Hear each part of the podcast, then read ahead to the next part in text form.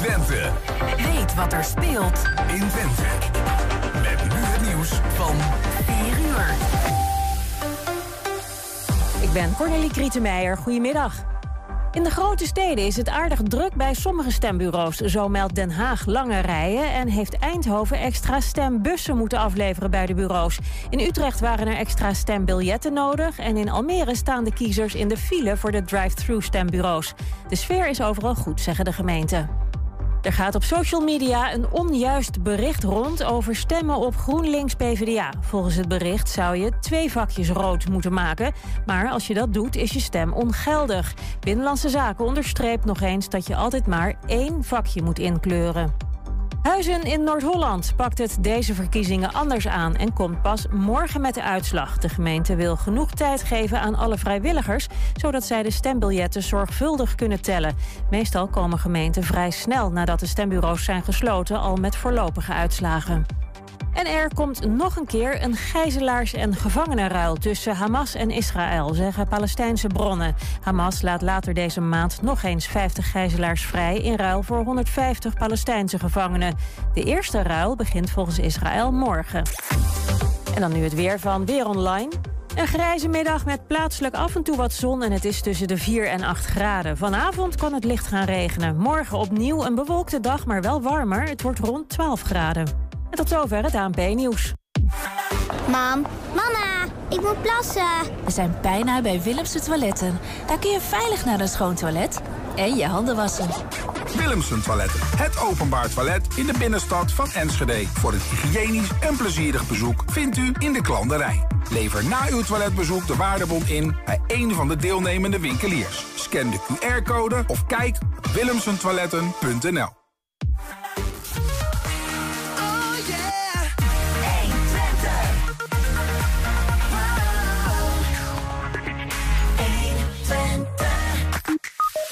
Saxion-lector Abeye Mersja is toegetreden als fellow van de Netherlands Academy of Engineering. Een van de 62 maar van het land. Wat het inhoudt hoor je zo. De derde editie van de wijkjury van het Wilming Theater Enschede is begonnen. Tien stadsgenoten krijgen in een jaar tijd een spoedcursus over theater. Vol met voorstellingen en lessen over dramaturgie.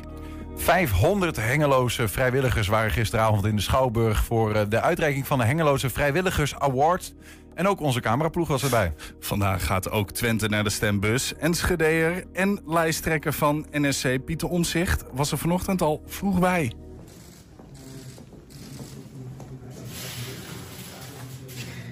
Nou, het stemgeheim is ook niet veel meer over op deze manier. Oei.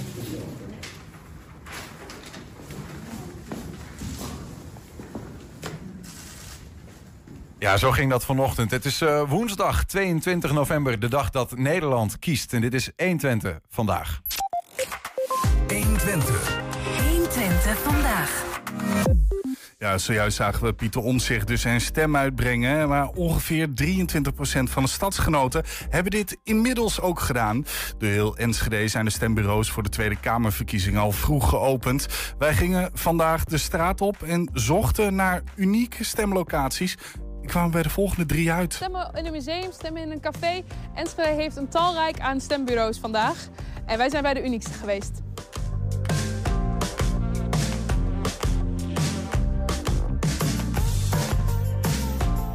Wij zijn vanmorgen om uh, eh, 7 uur begonnen. En uh, half acht ging het stembureau open. Dus uh, ja, om 9 uur gaat, de, gaat, gaat de stemming sluiten. En dan gaat die tussendeur open. En dan gaan gaat eh, de stembus op slot. Of eh, die gaat open en eh, de boel op kop en dan wordt geteld. Ik verwacht en wij met z'n allen vinden dat het behoorlijk goed loopt hier. En ja, dat het echt een goede opkomst is hier in Boeklo. Ja. 90, 100 procent of? Ja, dat is moeilijk te zeggen. Ja, meestal tegen 5, 5, 6, 7 uur is meestal het drukst. weet ik uit ervaring. En nou, ik, ik, denk wel dat we 80, 80 plus komen. Moet ik. Dus dat is wel heel goed, denk ik. Nee, ik heb nog niet gestemd. Nee, nee, maar dat ga ik wel doen, uiteraard. Tuurlijk. Nee, dat zou wel raar zijn dat ik zelf niet ging stemmen.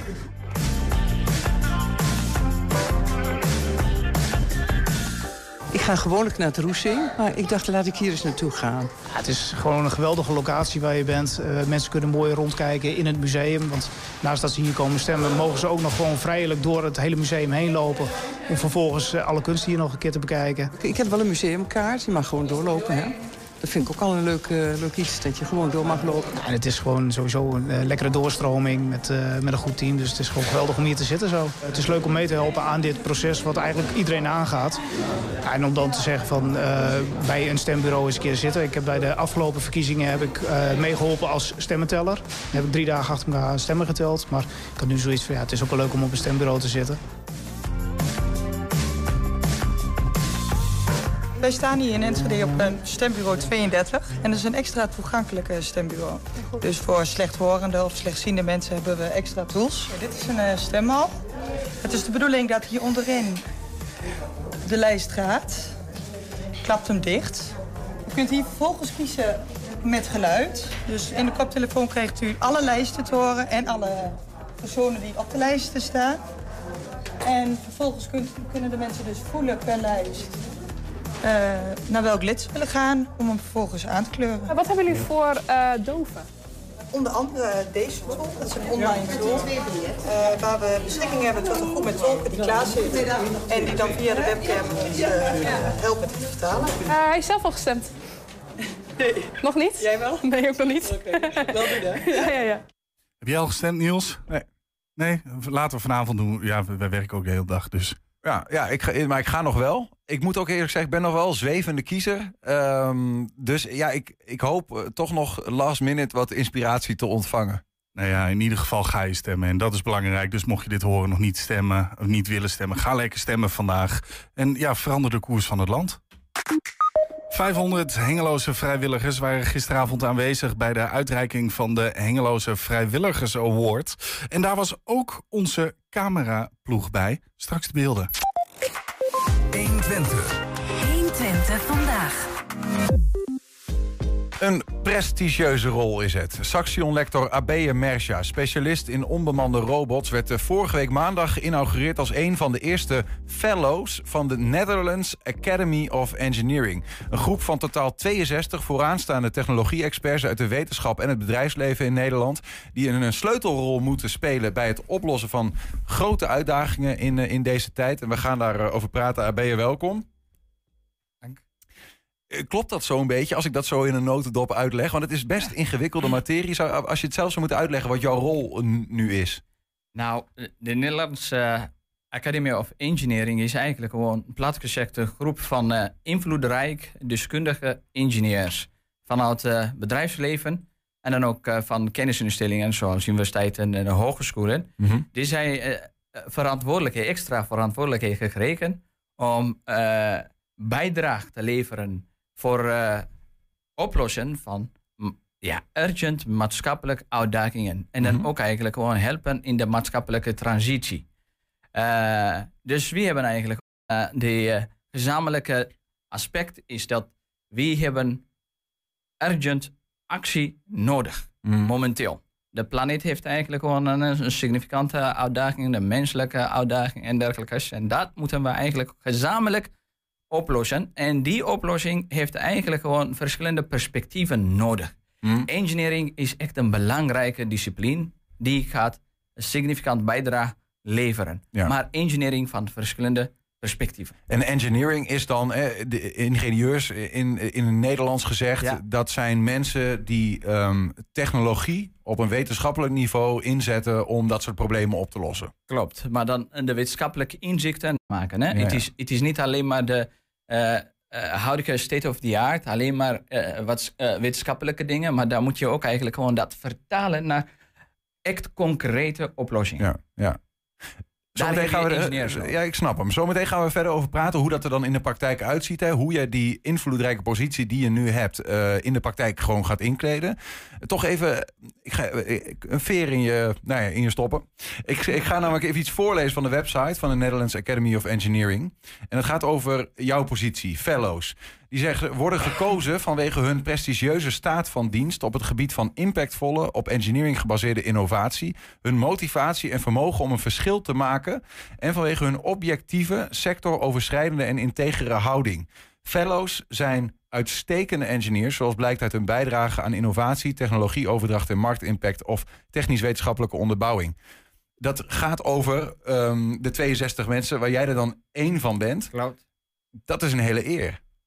Echt. Het is eigenlijk gewoon eer. Het is een persoonlijke benoeming, maar ik beschouw dit eigenlijk gewoon als een belangrijke erkenning voor mijn team. En dan ook eigenlijk gewoon voor HBO-onderzoek dat wij doen. En vooral in Saxio. Hm. Want je bent een van de twee, eh, zeg maar, er zijn 62 mensen in het hele land. Klopt. Daarvan zijn er maar twee die vanuit HBO-instellingen komen. Ja. Overigens, jij bent zelf gewoon gepromoveerd, want je bent een lector. Ja. Maar je werkt op een HBO-instelling. Klopt. Ehm, ja, hoe speciaal is dat? We hebben een foto van jou met, met de andere HBO'er van Hogeschool Amsterdam. eh, of HBO, HBO-gerelateerde, Somaya Ja. Benalouche. Ja. Jou, wat, wat zegt dat dan over, voor jou, over, over jullie instelling, over Saxion? Het het is eigenlijk gewoon eer, zoals ik heb eerder gezegd. Maar aan de andere kant, en dit is ook eigenlijk gewoon belangrijk om te laten zien, dat HBO-onderzoek heeft een significante impact. Maar zoals ik heb ook in de andere interviews eh, gezegd, die ehm, erkenning dat HBO-onderzoek moet krijgen, Mm. is nog niet daar. Eh, HBO-onderzoek is extreem belangrijk. En vooral als je eigenlijk gewoon kijkt naar onze regio. Eh, onze regio, eh, de economie is groot afhankelijk van MKB'ers. Ja. De MKB'ers, ze zijn innovatief, maar dan moeten we eigenlijk gewoon die innovatie versnellen.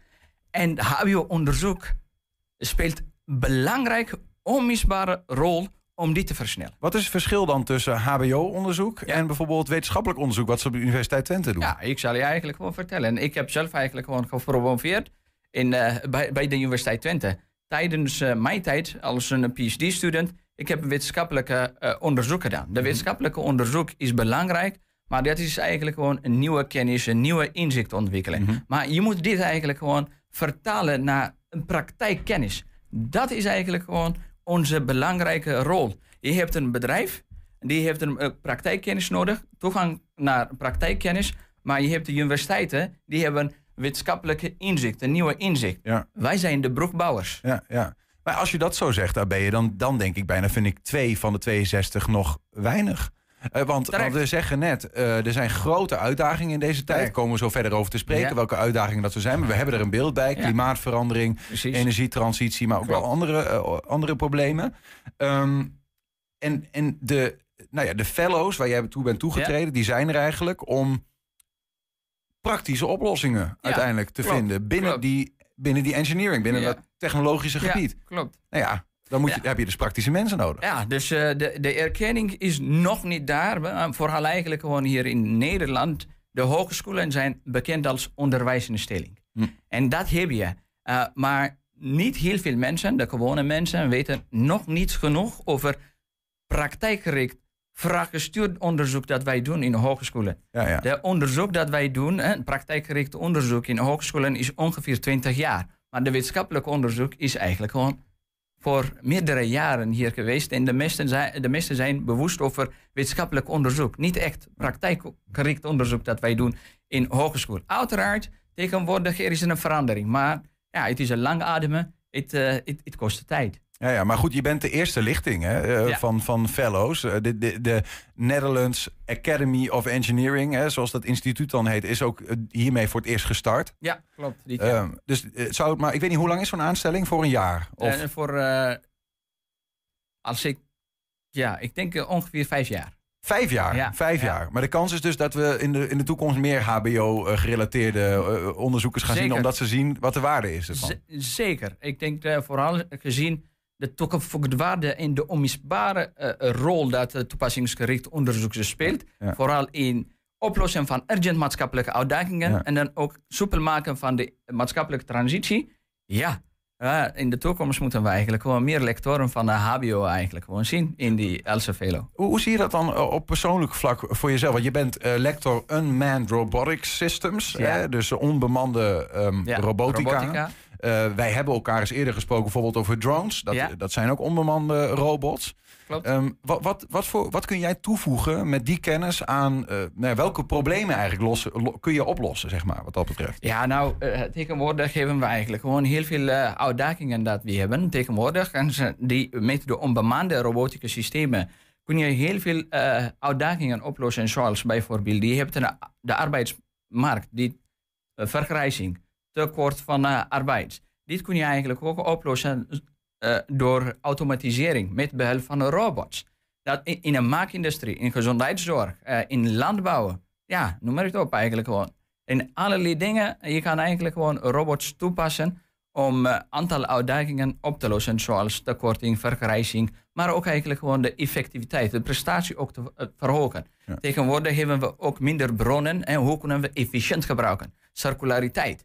Voor deze soorten dingen, ja, eh, technologieën, vooral ook robots met de kunstmatige intelligentie tegenwoordig, ja, eh, eh, wij kunnen heel veel onmisbare waarde toevoegen. Ja. Tegelijkertijd zit ik ook te denken, met de toename van automatisering, waar robots een rol in spelen, Ja. ehm, is er, lijkt er soms een afname van banen. Dat, Dat, dat, dat, dat, dat, dat, dat klopt niet. Eigenlijk gewoon. Wij zijn aan de transitie. En er zijn sectoren waar je hebt arbeids nodig, maar ze zijn eigenlijk gewoon daar niet. Hè? Ik kan gewoon een voorbeeld geven. Bijvoorbeeld, kijk aan die eh, eh, groene energie. Tegenwoordig, iedereen zegt, hey, moeten we energietransitie, groene energie naar zonne- zonnepanelen, maar ook eigenlijk gewoon eh, windturbines. Oké, vooral offshore windturbines. Maar als je ook eigenlijk gewoon kijkt, het is niet alleen maar de installatie van windturbines, maar hoe ga je onderhouden? Hoe kun je eigenlijk gewoon de beste prestatie eigenlijk gewoon van de windturbines krijgen? De offshore-industrie, nou, nu heeft ook een uitdaging, omdat er zijn minder inflow eigenlijk gewoon van deskundige mensen die gaan inspectie onderhouden. Hoe kun je dat doen? Omdat dit is een onveilige en- ook gevaarlijke plek en dergelijke. Als er is een toename daar, moet je ook eigenlijk gewoon de maximale willen uithalen. Dan heb je een manier nodig om ook te inspecteren, te onderhouden. Robots, Ja. bemande systemen, gaan eigenlijk gewoon significant eh, waarde toevoegen. Dat is eigenlijk gewoon, ja, concrete voorbeeld. Ja. Dat, dat- en dat is ook een voorbeeld van als eh, jij dan bijvoorbeeld niet in dit, eh, in dit nieuwe instituut aanwezig zou zijn als fellow, dan zou die kennis die je nu net op tafel Ja, legt, klopt. zou, zou er gewoon niet zijn. Die mist soms gewoon in die puzzel. Nou, dit is eigenlijk gewoon een belangrijke insteek om eigenlijk gewoon de urgent maatschappelijke uitdagingen op te lossen. Dit is een mogelijke oplossing. Ja, ja. Maar gelukkig, er zijn ook andere fellows die zijn deskundigen in een ander gebied. Mhm. Dat helpt enorm, omdat dan, je hebt niet alleen maar een inhoud van een werktuigbouwkundig of elektrotechniek of computer science nodig, maar ook eigenlijk gewoon van chemie, eh, van biologie. Je krijgt verschillende perspectieven en dan uiteindelijk kom je met een duurzame oplossing. Ja. In die groep waar ik zo benieuwd ben hoe jullie dan samenwerken hè, Ja. als 62 fellows. Hoe werkt dat in de praktijk eigenlijk? Want ze komen uit het hele land. Maar ook een best behoorlijk aantal tukkers. eh, Twentenaren. I- Ik Ja. noem ehm, Dennis Schipper, hè, de Ja. leidsman van eh, Demcon. Eh, maar ook de president van de Universiteit Twente, eh Vinod Subramaniam. Ja, klopt. Eh, de- de- Twente is best goed vertegenwoordigd eigenlijk. Hè? Ja, ik ben eh, ontzettend blij mee. Naast hen nog een aantal andere trouwens. Ja, ja. ja, het is eigenlijk gewoon goed. Eh, kijk, als Velo hebben we eigenlijk gewoon drie belangrijke taken, eh, activiteiten. Hè? Dat is de vorm, advies en dan eigenlijk gewoon een spielerrol. Ja. En in de vorm, wat wij eigenlijk gewoon doen, is dan eh, de, ma- de maatschappij eigenlijk gewoon betrekken in eh openlijke debat en dan ook dialoog over eh, wat zijn de uitdagingen, wat zijn de current state of the art, hoe kunnen we die oplossen. En daarna, eh, op basis van de inputs, kun je eigenlijk gewoon concreet, objectief, onafhankelijk en toepasbaar, eh, uitvoerbaar advies kun je ook eigenlijk gewoon geven naar de industrie en dan naar de overheid. Maar dit moet ook eigenlijk gewoon daarna gekoppeld worden, georchestreerd worden naar concrete acties. Ja, ja, maar hoe, hoe, hoe gaat dat dan? Want eh, jullie eh, zitten in het hele land. Ga je op gezette tijden met elkaar nadenken? Heb je online een plek waar een vraag in wordt gedropt en dan gaan jullie allemaal met elkaar praten? Of hoe werkt Ja, dat dan? Nou, dat, dat, dit is voor de eerste keer. Ja. Dat, dat betekent dat wij moeten ook ervaren en dan ook een betere vorm geven, eh, afhankelijk van de ervaring. Maar er, er, er wordt regelmatig een bijeenkomst waar wij kunnen ook mm, bespreken over hey, wat is de beste manier om dit te adresseren. Maar tijdens de inauguratie, voor de inauguratie eigenlijk, gewoon, we hebben ook een anderhalf uur besteed om concrete actionplans. eh, hey, hoe kunnen we dit eh, verder aanpakken? Ja. Wat is de beste manier om samen te komen? En welke zijn de eh, belangrijke onderwerpen en activiteiten dat wij mo- moeten doen? Dus een beetje in ontwikkeling ook, de manier waarop Het is dat- in een ontwikkeling, maar ook regelmatig. Ik verwacht dat regelmatig gaan we bijeenkomsten hebben. Maar daarna gaan we ook zelf als Velo initiatief nemen in onze eigen ecosysteem. Gelukkig hier in, in, in eh, Twente, we hebben de universiteiten, de Saxion en dan ook het bedrijfsleven. Nou, het is ook een fysiek, het is ook een eh, kleine afstand. Dat helpt ook enorm, dat faciliteert. En met een andere velo's gaan we eigenlijk ook eh, kijken hoe eh, gezamenlijk een bijdrage leveren voor de transitie van Nederland in het algemeen, maar ook eigenlijk gewoon vooral onze regio. Ja. En en werkt het dan vanuit jullie initiatief? Of heb je, krijg je ook gewoon vragen als, als, eh als Beide fellow groep? kanten. Beide kanten. Beide kanten. Dat is eigenlijk gewoon de idee. Hè?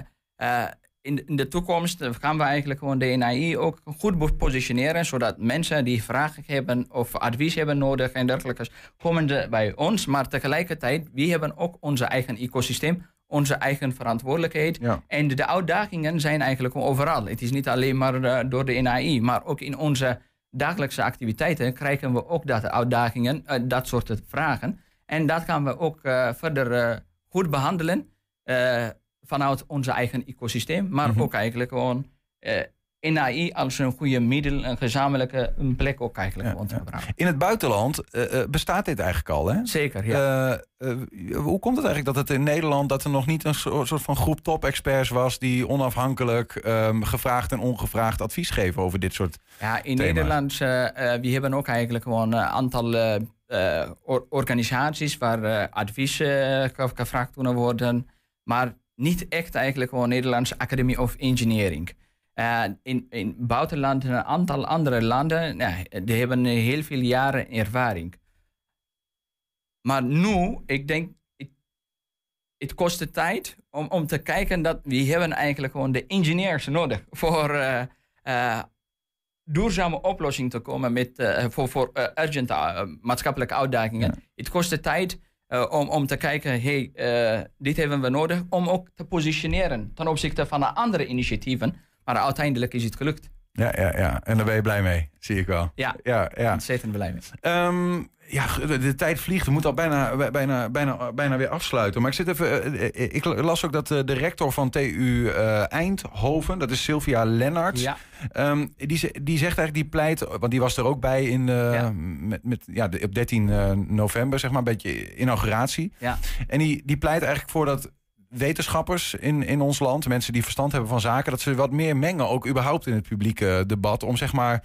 ehm, nou ja, ook gewoon objectief waarheden te kunnen vertellen. Van ja, dit is gewoon zoals het in onderzoek ehm, is blijkt. Hè? Als het Ja. gaat om die grote thema's. Want er ook best wel veel desinformatie is over, gro- over grotere thema's. Klopt. Eh, Ben je het daarmee eens? Ja, ik ben eigenlijk gewoon eh, eens dat, dat wij moeten eigenlijk gewoon objectief naar voren komen. Naar maatschappij eigenlijk gewoon echt nauw betrekken. Om bewustheid te creëren. Wat, wat, wat is er eigenlijk gewoon? Wat is mogelijk? Wat is niet mogelijk? En wat moeten we eigenlijk ook gezamenlijk doen? Dit moeten we vaker nauwer doen. Niet alleen maar voor sec of wetenschap. eh, maar echt, echt nu hebben we eigenlijk gewoon dat nodig. Samen met de maatschappij, dicht bij de maatschappij, nauwer samenwerken. En dan ook eigenlijk de maatschappij horen. Niet alleen maar techniek push, maar echt te luisteren. Wat hebben ze nodig? Wat is hun gevoel? En dan ook eigenlijk gewoon als er zijn zorgen. Meestal als je nieuwe techniek hebt, hè, kunstmatige intelligentie of robotica. Er zijn ook zorgen van de maatschappij. Dat moeten we eigenlijk gewoon luisteren. Dat is belangrijk. Duidelijk, duidelijk statement. We, gaan, eh, we, gaan, we, we moeten afsluiten. Ik voel me af, eh, ja, eh, overigens ook een andere, ja, het kan niet laten om het te zeggen, maar andere, andere functie die je eigenlijk gaat hebben is om jonge technici warm te maken voor het vak. Hè? Want blijkbaar begreep ik ook dat wij achterlopen als het gaat op dat vlak in jonge technici Ja. achterlopen op Europa. Ja. En Nederland nou, loopt er wat achteraan. Ehm, dus daarin heb je nog een rol. Maar ik vroeg me af, wat is het eerste dat je nou vanaf nu eh, op, op het vlak van de, fellowship van de NAE gaat doen? Ja, nou, eh, eigenlijk eh, voor mij de belangrijkste is de punt dat je hebt genoemd. Hè. Hoe kunnen we mensen, vooral de jongens en de meisjes, enthousiasmeren voor de techniek? techniek hebben we eigenlijk gewoon nodig. Nu moeten we investeren. Niet een HBO, MBO of een WO. Moeten we eigenlijk gewoon naar school gaan. Om hun te, te enthousiasmeren. Eh, Op de basisschool De basisschool. Ja, ja. Ik heb twee dokters en eh, ik enthousiasmeer eigenlijk gewoon hun met de techniek wat hij eigenlijk gewoon doet. Dus eh, dat wil ik eigenlijk gewoon verder uitbreiden. Nou ja, volgens mij is je hier gelukt in ieder geval om je enthousiasme ten tafel te Dankjewel. brengen. AB en Mersha, dankjewel en heel veel succes de komende nou, vijf jaar. eh, dus eh, je aanstelling daarbij als fellow van de Netherlands Academy of Engineering. Succes. Dankjewel. We zijn ook als podcast te beluisteren via alle bekende platforms. Je vindt daar de hele uitzendingen en elke dag één item uitgelicht. En we gaan het zo eh, nog hebben over eh, techniek, want ja, dat viert hoogtij. Hè? Welke rol speelt kunstmatige intelligentie bijvoorbeeld in het industrieel ontwerpproces? Daarover eh, morgen een symposium in Hengelo en we gaan er straks over praten. 120. 120 Een bomvolle Schouwburg Hengelo gisteravond. Zo'n 500 Hengeloze vrijwilligers waren aanwezig daar op het jaarlijkse vrijwilligers-event. Eens per jaar worden ze als dank voor hun inzet getrakteerd om een feestelijke avond uit. Traditioneel worden ook de awards vrijwilligersprijzen uitgereikt. Het werd een avond vol verrassingen. Vanavond het eh, jaarlijkse vrijwilligersevent. Alhoewel jaarlijks eh, door corona is er al eh, een aantal keren het niet geweest. Anderhalf jaar geleden is het eigenlijk vertraagd voor 2021 eh, geweest.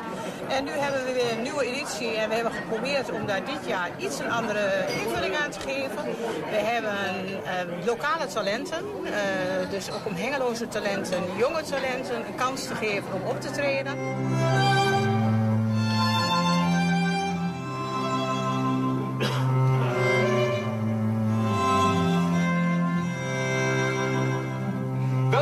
Welkom bij het Hengeloos Vrijwilligers-event. En eh, nou ja, gewoon voor het tweede jaar op rij, normaal, geen corona, hier in de Schouwburg in Hengelo, heerlijk. Een op de vier mensen op dit hele kleine stukje aarde zetten zich vrijwillig in en zijn van grote waarde. De klus is klaren. Namens hen loopt het dans voor al die mooie jaren. Ik ga de microfoon geven aan de burgemeester, Sander Schelberg. Ergens, kijk, daar komt hij. Phil, je zong net 1 op de 4. Als je heel goed kijkt, is dat 1 op de 3 in Hengelo. Althans boven de 18 die zich daarvoor eh, inzet om vrijwillig werk te doen. En waarom doet u dit? Waarom doet u dit nou eigenlijk? Gewoon omdat het leuk is. Omdat u zelf beseft dat een bijdrage aan de samenleving... een hele belangrijke bijdrage ook voor uzelf is. Het is dus eigenlijk een avond voor vrijwilligers. En dan kunnen ze, hebben ze een geheel verzorgde avond met een buffet en een feestavond en een drankje erbij. En ja, we proberen zo de gemeente Hengelo en Wijkracht wil op deze manier de vrijwilligers bedanken. Omdat er heel veel vrijwilligers zijn. Jammer genoeg hebben we niet voldoende plek voor alle vrijwilligers. Dus we hebben voor het eerst ook een loting moeten toepassen voor de toegangskaartjes. Omdat er eigenlijk ja, te veel vrijwilligers eh, zijn om allemaal in deze zaal te krijgen. En de vrijwilligers doen ontzettend goed werk. En eh, ja, dat willen we ook graag zo houden. En ook proberen eh, nog meer vrijwilligers te krijgen. Een beroep te doen op al die mensen. Want ze zijn heel belangrijk in de samenleving. I can sense all the eyes, how they follow me. And I smile, they don't know who I am. Er komen nog, nog meer talenten vanavond, eh, vanavond langs. Eh, maar we gaan ook met elkaar toch echt die winner die het al taked eh, uitroepen. En dat betekent dat we hebben gezegd... de eerste prijs moet gaan naar al die vrijwilligers van het BAM-festival.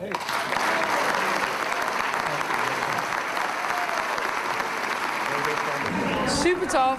En eh, we gaan het inzetten om wat meer jongeren te proberen te bereiken en te enthousiasmeren om vrijwilliger te worden voor het BAM-festival. Want er zijn heel veel vrijwilligers nodig, hè? Er zijn heel veel vrijwilligers nodig. En ik heb dit jaar een hele toffe groep om me heen verzameld vanuit de coördinatie. En ehm, ik zit nu op 185 vrijwilligers, maar we kunnen er altijd meer gebruiken. Dus nou ja, daar heb ik hier twee ontzettende grote kanjes van staan. Want jij bent een van die vrijwilligers? Ja, ja, al tien jaar doe ik dit al bij BAM. En ik vind het heel leuk omdat je samen kan spelen en samen kan werken. En daardoor heb je een heel leuk festival. Hier ben ik dan aangenaam, ik zal me voorstellen. Ik ben geen waarzegger, maar ik kan je voorspellen. Dat als ik drop, ze willen weten van mijn spellen. De game is mad op me, dat is wat ze gaan zeggen. E-officials! Goed.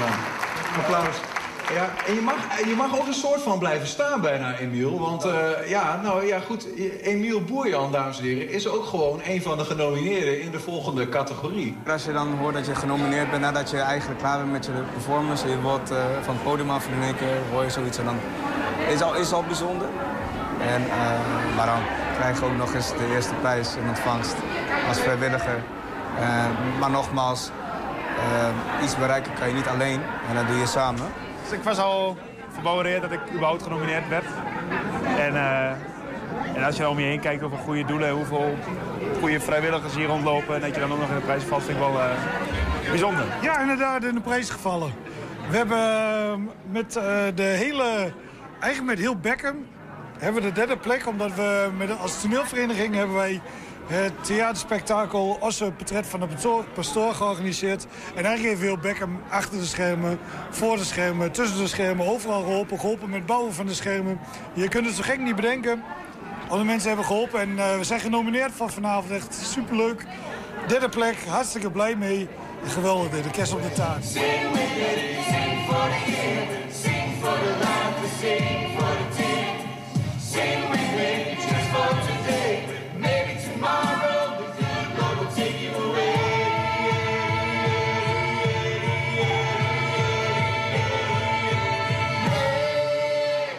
Geweldige avond vond ik het. Dus uh, zoveel blije gezichten. En zo lekker liep het allemaal. Dus ik ben uiterst tevreden. Ik vond het een prachtige avond. Mooie talenten ook hier uit Hengelo en uit de omgeving van Hengelo. Prachtige avond. Ik vind het uh, überhaupt mooi dat ze iedereen bedanken de hele avond lang. Ik vind het echt, dat ze, echt bijzonder goed dat ze iedereen ook in het zonnetje zetten. Voor, uh, voor waar je ook voor inzet. Ik, denk dat het al, uh, ook nog wel wat groter mag eigenlijk. Want het is, het is waar de waardering voor enorm veel mensen, denk ik. Ja.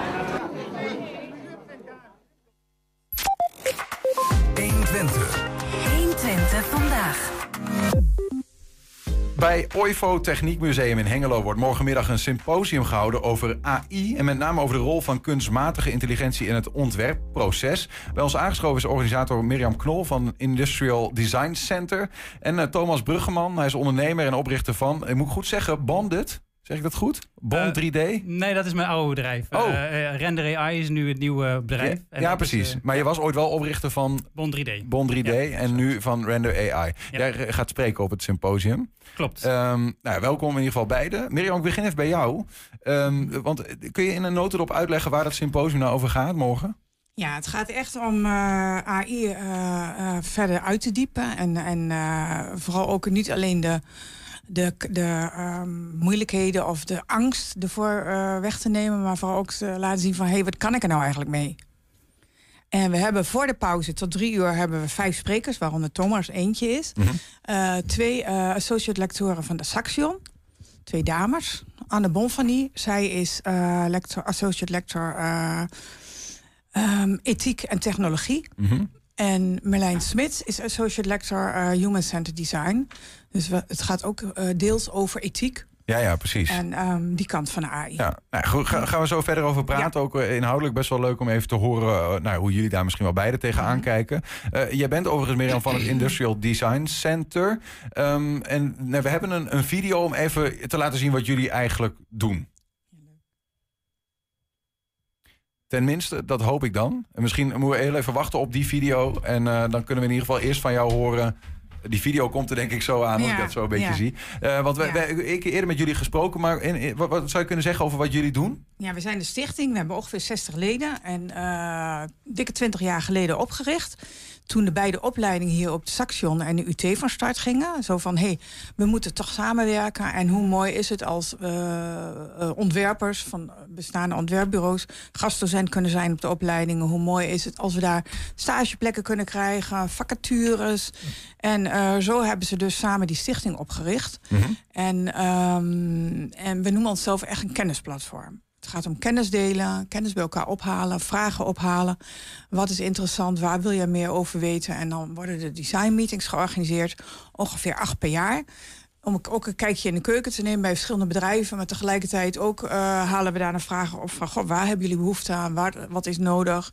En dat, uh, dat is eigenlijk de kern van onze stichting, wat Ja. we doen. En het draait natuurlijk allemaal om industrial design. Exact. Anders gezegd, industrieel ontwerpen. We hebben inmiddels Yes. die video om even een Ja, beeld erbij mooi, te krijgen. IDC staat voor Industrial Design Center. Het is een ketennetwerkorganisatie waarin we rondom industrial design bedrijven met elkaar willen koppelen. Eh, En daar proberen we kennis te delen over productontwikkeling, wat we daarmee kunnen. Wat vernieuwingen zijn, nieuwe technologieën, nieuwe trends. Eh, en proberen het industrial design wat meer op de kaart te zetten.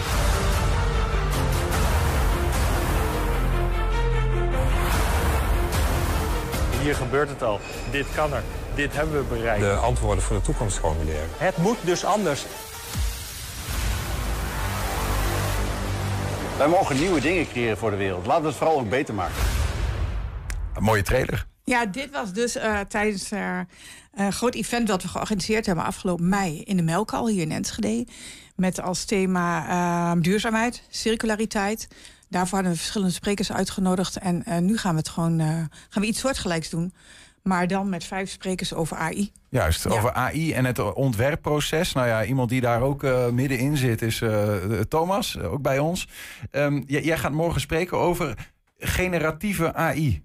Dat klopt, ja. En ik denk dat is al een onderwerp waarvan sommige mensen denken... "Oeh, koekoek, maar wat, wat houdt dat in? Ja, generatieve AI is eigenlijk een bepaalde vorm binnen AI. Heb je meerdere stromingen. Eh, eentje daarvan is deep learning. Eh, en wat het inhoudt is, het, het werkt eigenlijk heel erg gelijk aan het menselijk brein. Ehm, met neuronen eh, heb je eigenlijk een heel, heel groot netwerk die, die bepaalde dingen activeren. En daardoor krijg je bepaalde output. Generatieve AI betekent, je begint met een vraag. De AI is getraind op een heleboel data. En die gaat eigenlijk door zijn hele neurale netwerk. En dan komt hij met meer, een soort min of meer statistiek. Met de meest probable answer komt hij. Ehm, en wat je eigenlijk kan doen hiermee is dat je, je begint met een, met een textuele vraag. Die typ je. En uiteindelijk komt er bijvoorbeeld een plaatje uit. Of komt een heel eh, passend antwoord in tekstvorm komt eruit. Ja, ja. De, maar even, de eh, me- meeste mensen kennen Ch- ChatGPT bijvoorbeeld. Dat is dus dat is iets, dat ge- iets genereert. En dan is het een generatieve AI bijvoorbeeld. Ja, ja dat, mag, je- dat kan je zo zeggen. Ja. Dus eh, eh, ChatGPT is een hele bekende inderdaad, vorm van ge- eh, generatieve AI. Dat werkt met tekst, maar je hebt verschillende soorten. Je kan ook afbeeldingen maken, je kan films maken. Ja. Ehm, en nu ChatGPT, de nieuwste versie, die kan het allemaal. Dat noemen ze multimodal AI. Eh, Een modal is eigenlijk gewoon een, bijvoorbeeld tekst of Ja, ja, video. Ja, En Nou, nou eh, dat IDC, hè, waar Mirjam eh, ook onderdeel van uitmaakt, dat gaat over industrieel ontwerpen, een ontwerpproces, zeg maar. Zijn er ook AI-toepassingen op dat vlak? Waar moet ik dan aan denken? Wat doet AI voor de ontwerper? Ja, zeker. Eh, er gebeurt superveel rondom eh, AI. En ehm, tools komen elke dag komen er weer bij. Kan je weer nieuwe dingen. En binnen eh, het ontwerpproces kan je denken aan het genereren, heel snel genereren van verschillende design-ideeën, concepten. Waarbij je eigenlijk het hele proces van 3D-ontwerpen kan overslaan. Daarbij kan je heel snel schakelen met je klant. Je kan heel snel impressies maken.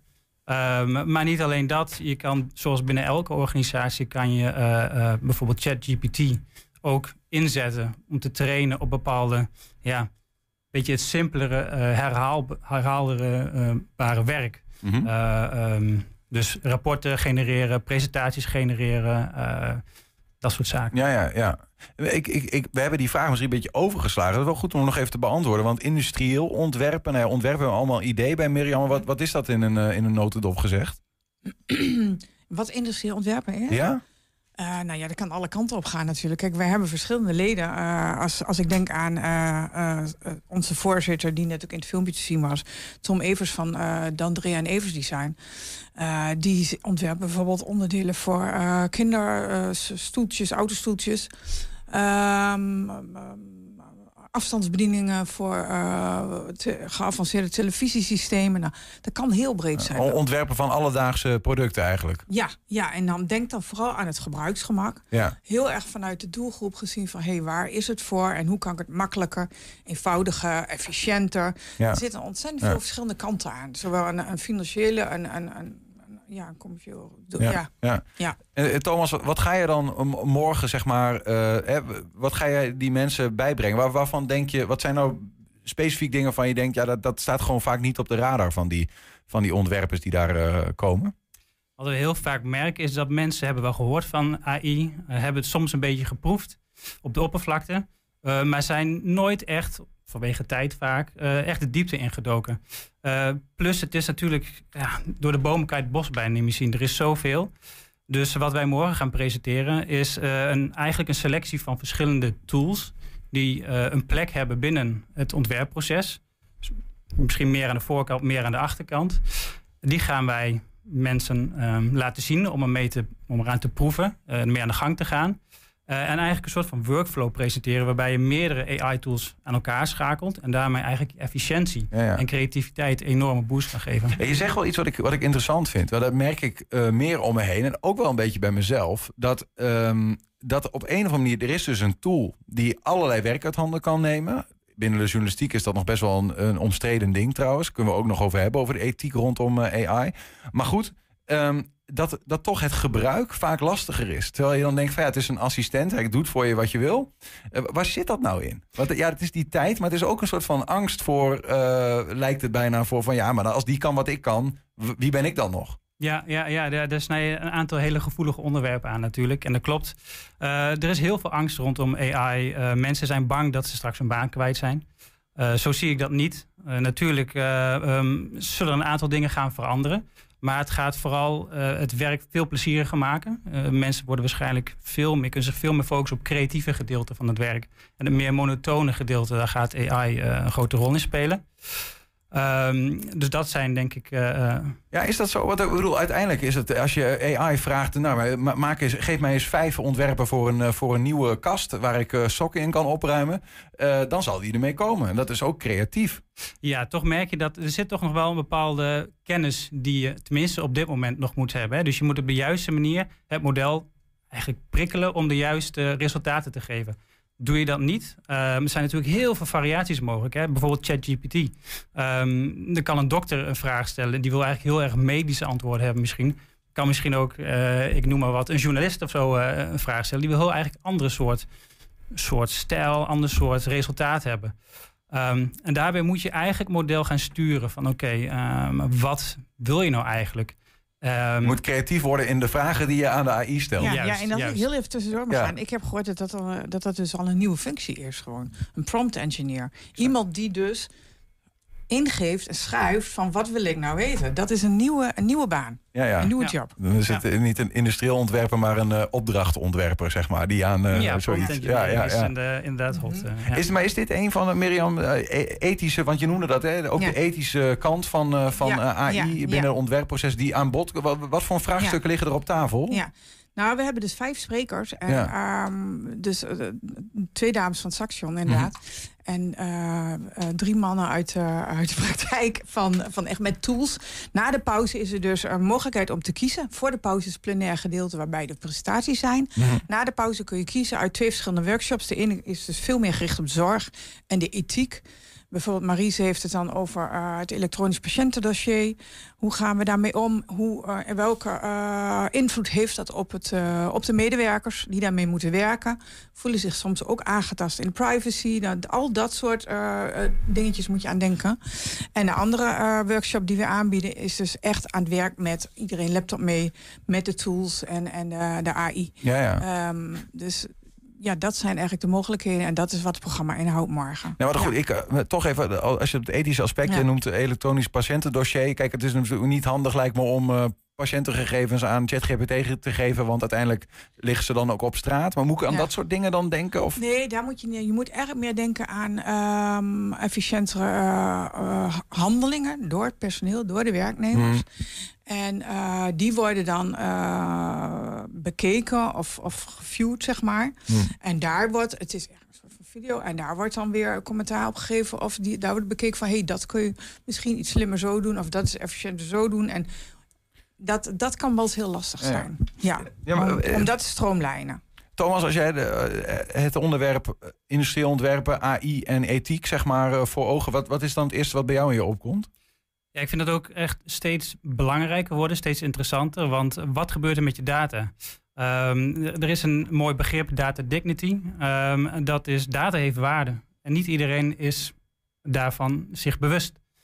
Ehm, en daar zal toch echt wel veranderingen moeten komen. Dus eh, wanneer ga je bepaalde data wel uploaden? Waar gaat het heen? Ga je dat delen? Eh, sommige situaties die willen dat die data überhaupt niet de deur uitgaat. Nou, daar heb je een ander soort oplossing voor nodig. Ja, ja dat zijn, er zijn veel bedrijven die AI verbieden om deze reden. Hè? Zo van, eh, in ieder geval voor nu eh, is het nog niet... eh, we willen niet onze bedrijfsgegevens in die tools hebben. Exact. Ja. Ja, goed, ik, ik bedoel, maar dat is een beetje een vrije brainstorm. Maar binnen de journalistiek is het best wel een ding. Omdat als jij, een, een, als jij bijvoorbeeld een, een AI een tekst laat genereren... dan bepaalt de AI wat belangrijk is, wat niet belangrijk is. Hè. En nou ja, de, de vraag is, wil je dat? Ehm, en ik kan me ook voorstellen binnen het ontwerpproces... wil je dat een AI uiteindelijk dat ontwerpproces overneemt? Of zeg je van, hé, maar wij willen als mensen... altijd aan het roer blijven staan van dit soort eh, processen? Ja, dat, daar denkt... Ja, sorry dat ik je even... Maar daar denkt Sietse, die, die is morgen ook een van de sprekers is... ook heel erg over na. Hij studeert nou af bij, eh, bij een groot ontwerpbureau. En hij ehm, kijkt ook heel erg van... Hey, welke invloed heeft AI nou op de rol van de ontwerper? Beïnvloedt dat niet alleen het ontwerpproces... maar ook de rol van de mens zelf? En nog Om even aan te haken, het, het- dit is een superbelangrijk punt, eh, eh, denk ik, wat je nu aankaart. Want je weet eigenlijk niet waarop een model getraind is. Er zitten zoveel datapunten in. Dus je weet niet waarom die bepaalde dingen beslist. En een AI is ook supergoed om heel overtuigend te zijn in zijn statements. Maar je weet niet zeker of het klopt. Soms is het complete onzin. Dus de menselijke controle is super belangrijk en zal de komende tijd ook echt Ja. wel nodig Mhm. blijven. Anders heb je industrieel geontwerpt, maar werkt je ontwerp uiteindelijk eh, niet. Ja. Geontwerpt, ja, ja. ontworpen. Dat is het beter Nederlands. Ja, ja, ja. Gebruiksgemak bijvoorbeeld. eh, eh, Ja. Misschien maakt hij daar domme fouten en, en zit, zit hij ineens heel onhandig in elkaar. Ja. Mhm. Interessante thematiek. Morgen eh, bij dat symposium in OIVO, eh, in Hengelo. Ja, Is- eh, gratis. hoe- Iedereen mag komen. We starten om eh 1 uur met koffie en thee. Half twee stipt gaan we eh, van start met de sprekers. Drie uur ongeveer pauze. Duurt ongeveer tot vijf uur, half zes. Kijk, Dus wil je meedoen, kom gewoon. square. Schuif aan. Welkom, hartstikke leuk. Dank voor de uitnodiging. Mirjam Knol van de IDC en eh, Thomas Bruggeman, een van die sprekers daar en oprichter van Render AI. Wat doe je trouwens met Render AI? Wat is dat? Daarbij focussen we dus een framework waarbij verschillende AI's samenbrengen. Eh, om een workflow te creëren om het, ja, het ontwerpproces te vergemakkelijken. Dit is echt voor de puristen, hè, wat jij net hebt uitgesproken. Nou, Mijn moeder die denkt nu echt, eh, het, het zal wel. Succes met je Render AI. Ja. Het- in principe is het eh, eh, ontwerp is, zeg maar tienfout eh, efficiënter en creatiever te maken. Kijk, mooi man. Ik ben benieuwd wat de toekomst brengen gaat. Dankjewel. Heb je een tip voor de redactie? Mail dat dan eventjes naar redactie.120.nl 120. 120 vandaag. Ja, gisteren was de eerste avond dat de derde editie van de wijkjury van het Wilming Theater in Enschede samengekomen is om te praten over theater. Ze spraken hier over de eerste voorstelling die ze afgelopen weekend hebben gezien. Het was de eerste van dit traject. Eh, daarnaast hebben ze ook nog een dramaturgische uitleg gehad om het theater beter te begrijpen.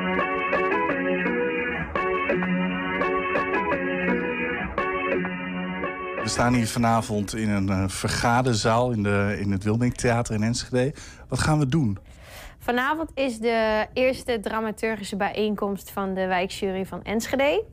En eh dramaturgische bijeenkomst dat gaat eigenlijk over dramaturgie. En dat is de structuur van het verhaal van een toneelvoorstelling. Dit is de derde editie, als ik het uit mijn hoofd goed zeg, toch? Klopt. Die zijn al bij elkaar gekomen. Hoe, hoe was die, die eerste dag? Is de kennismaking goed gegaan? Het was ontzettend leuk. De kennismaking was voor de eerste voorstelling, dus afgelopen zaterdag. Ik heb kort verteld wat we dit seizoen gaan doen. Eh, ze zijn allemaal verspreid zeg maar, uit verschillende wijken in Enschede. Ze komen niet allemaal uit hetzelfde stadsdeel. Ze kennen elkaar dus ook allemaal nog niet. Hoe ben jij hier zo bijgekomen? Ik heb dit eh, gezien op Facebook. Eh, ik zag een stukje voorbij komen en ik zag daar ook een eh, bekende van me in zitten. Dus ik dacht van nou, ga dat in eerste instantie lezen. En eh, zodoende dacht ik van nou, dit is wel interessant. Ik zag het bij Facebook voorbij komen. Ik denk, nou ja, ik heb me opgegeven voor mij en mijn dochter eigenlijk. Maar dat was dus niet de bedoeling. Ik zei, nou dan doen we dat voor mij maar. Dus eh, heel spannend. Het zijn mensen die eh, ja, nauwelijks tot niet in het theater komen. Of in het verleden als kind, zeg maar. Als je vraagt naar de eerste herinneringen aan theater. Dat ze als kind met school of met hun ouders wel eens zijn geweest. Maar daarna eigenlijk niet meer. Maar toch heel erg nieuwsgierig zijn naar wat hier allemaal gebeurt. En we hebben publiek. En eigenlijk wat tussen die twee ontstaat. Hoe, hoe is het om hier zo samen met elkaar te zitten en te Eh, kletsen over theater? Leuk en, eh, en eng. Hoe eng? nou ja, eh, het is de eerste keer spannend eigenlijk. eh.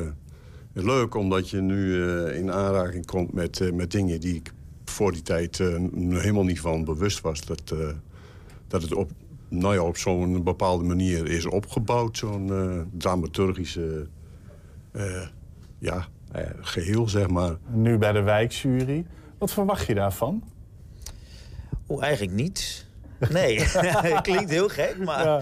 nee, ik, ik heb eigenlijk eh, geen verwachting geplaatst om wel met een open blik eh, hieraan eh, mee te doen. We zijn dus eh, zaterdag gestart, dus november. En de laatste voorstelling is in mei. Eh, en ja, je moet zo zien, eigenlijk elke maand tot nu toe één of twee voorstellingen. En als het niet twee voorstellingen zijn, dan is het één voorstelling en een dramaturgische bijeenkomst. En ik ben echt iemand die eigenlijk heel veel thuis zit. Eh, ik ga eigenlijk nooit ergens heen. Ik ben nog nooit naar een concert geweest of wat dan ook. Ik ben echt heel Mag ik ook thuis. vragen waarom? Of, Heel onzeker. Ik ben, kom heel stoer over en alles, maar als op zulke dingen aankomen, dan, dan hm, liever in een hoekje. Dus dit is voor mij een hele goede uitdaging. Dat was ook een van de redenen dat ik me ook opgaf. En na een jaar, abonnementje, alles erop en eraan. Geen idee, ik heb er helemaal niet over nagedacht. eh. Nee. nee, maar wie weet. Ik denk dat ik dan denk van waarom heb ik dat niet eerder gedaan? Ik ben 51. Ik denk, ik denk dat ik dan wel spijt krijg. In ieder geval wil ik dat ze, eh, is het doel dat ze gewoon het gevoel hebben dat, ze, dat, die, dat deze plek ook van hun is. Dat dit ook hun huiskamer is, waar ze eh, thuis kunnen komen, wanneer dan ook en bij welke voorstelling dan ook. 120. 120 vandaag. Ja, burgemeester Anko Postma heeft nog maar twee maanden de ambtsketting van de gemeente Tubbergen. Maar heeft nu al een belangrijke dag op zijn politieke agenda staan. Postma vertelde over zijn eerste twee maanden als burgemeester en neemt een bezoek langs alle stembureaus. Ik tel al niet meer in weken, ik tel in maanden. En als ik zie wat ik allemaal al gedaan heb de afgelopen tijd, dat is echt ongelooflijk. En als ik dan zie hoe ik overal ontvangen ben en de programma's die de negen dorpen allemaal hebben eh, eh, ontwikkeld om samen op stap te gaan. Er stonden fietsen klaar bij elk cultuurhuis. En van daaruit gingen we op de fiets naar een heleboel locaties. Dat betekent dat ik dus in negen kernen geweest ben in een paar weken tijd. eh, met een programma van pak een beet vier, vijf uur. Bij verschillende bedrijven langs. Bij sportverenigingen langs. Bij allerlei andere verenigingen langs. Mensen bezocht. Ik heb een aantal jubilarissen gehad die 60 of 65 jaar getrouwd waren. Dus ontzettend breed. Maar overal ook echt het gevoel hoe mooi het hier is en hoe men het ook samen doet. Ja, dat geeft wel energie. Dat het dan af en toe ingewikkeld is en ook moeilijk is. En soms dus persoonlijk wordt. Maar toch vooral ook heel veel positieve energie. En eh, dat is hoe ik eh, nu nog terugkijk, eh, zeker terugkijk op de afgelopen periode. Maar er staat toch eigenlijk al best wel een grote dag op de politieke agenda. Hoe belangrijk is deze dag? Natuurlijk, die is heel erg belangrijk. Landelijk is men elkaar allemaal de loef aan het afsteken... en rollenbollend en discussiërend over hoe het anders moet in Nederland. Maar hier lokaal merken we dat natuurlijk net zo goed. En dan is het het... Ik hoorde net de voorzitter van dit stembureau zeggen... en vanmorgen ook al, ik ga alle stembureaus langs met teamverkiezingen... om te kijken hoe het gaat, wat de opkomst is, hoe de mensen erbij zitten. Want er zijn meer dan 120 mensen op de been... om dit in de gemeente Tubbergen ook mogelijk te maken... Dit is lokaal van zo'n groot belang voor de cohesie, voor het samen doen, dat je daadwerkelijk gaat stemmen. Ik zie ook veel meer jongeren dan ik eerder in een eerdere gemeente waar ik aan het werk was. De jongeren gaan ook meedoen om op een stembureau te zitten. Jongeren stemmen ook weer meer. Er is ook meer discussie over wat zal ik doen. Dit noemden de voorzitters van die stembureaus het feest van de democratie. En dan hoop ik dat we met elkaar een hele fijne, mooie, goede samenleving houden. En daar moeten we met elkaar aan werken. En dat zie je bij de vrijwilligers, dat zie je in het verenigingsleven. Dat zie je op de stembureaus die bezet worden. En de mensen die daar dan binnenkomen in hun eigen omgeving, hun eigen dorp... ja, ik denk dat dat de moeite waard is om het eh, heel stevig vast te blijven houden. Nu langs alle stembureaus, want volgens mij heb je ook iets meer. Ja, zeker. Ja, ja, ik heb hem niet bij me, maar ik heb hem wel altijd in de auto. Ik ben meegereden met een van de collega's vanaf het gemeentehuis te Bergen. En eh, jij bedoelt de Goorstok? Ja. Ik weet niet of ik het inmiddels goed uitspreek Wat op zijn wat Het wordt langzaam beter. Eh, die stok die wij- wijst mij wat de weg. Hè. Dat zei ik ook bij mijn installatie. We zijn hier in Langeveen, ook niet zomaar, want hier eh, ben ik ook eh, heel warm binnengehaald eh, bij mijn installatie. Nou, daar was jij ook bij. En inderdaad, daar kreeg ik die stok uitgereikt van, van de loco-wethouder Hilde. En eh, die stok, ja, die wijst me de weg. Die heb ik in de kofferbak liggen en die heb ik eigenlijk altijd bij me. Dus jammer dat ik nou niet zelf de auto bij me heb, want dan had ik hem je nog kunnen laten zien. Maar dat is wel symbool voor, eh, voor de route die we hier lopen in, eh in Tubbergen. En nog als allerlaatste nog verwachtingen van wat hier uit gaat komen. Dat is heel gevaarlijk. Ik denk dat omzicht hier wel heel veel kans maakt. En ja, wellicht dat een deel van de mensen toch ook een beetje terugkomt naar het CDA. Het zal dus vooral, net als landelijk, eh, de strijd zijn tussen die grote drie. Maar ik denk dat omzicht hier wel eens eh, grote ogen zou kunnen gooien. Maar ja, wat is een voorspelling van mij waard? Net twee maanden hier. En eh, Twente daarin nog niet zo goed kennen. We gaan het zien vanavond. Tot 9 uur zijn de stembureaus open. Ja, met die woorden sluiten wij 120 vandaag af. Dus tot 9 uur zijn de stembureaus nog open. Eh, ik zie jullie binnenkort wel weer een keer. Eh 120 vandaag weer terugzien op 120.nl. 8 en 10 op televisie. Morgen Tijmen Staven vanuit hier, deze plek. En Niels Veuring. Thema beveiliging staat voor betrokkenheid, adequate optreden en betrouwbaarheid. Waar de concurrent stopt, gaat thema beveiliging net een stap verder. Thema beveiliging levert alle vormen van beveiliging voor zowel de zakelijke als de particuliere markt. Thema beveiliging, de beveiligingsorganisatie van het Oosten. Telefoon 053 4800 560 of stuur uw e-mail naar info@themabeveiliging.nl. Is jouw auto toe aan een onderhoudsbeurt of een APK-keuring? Maak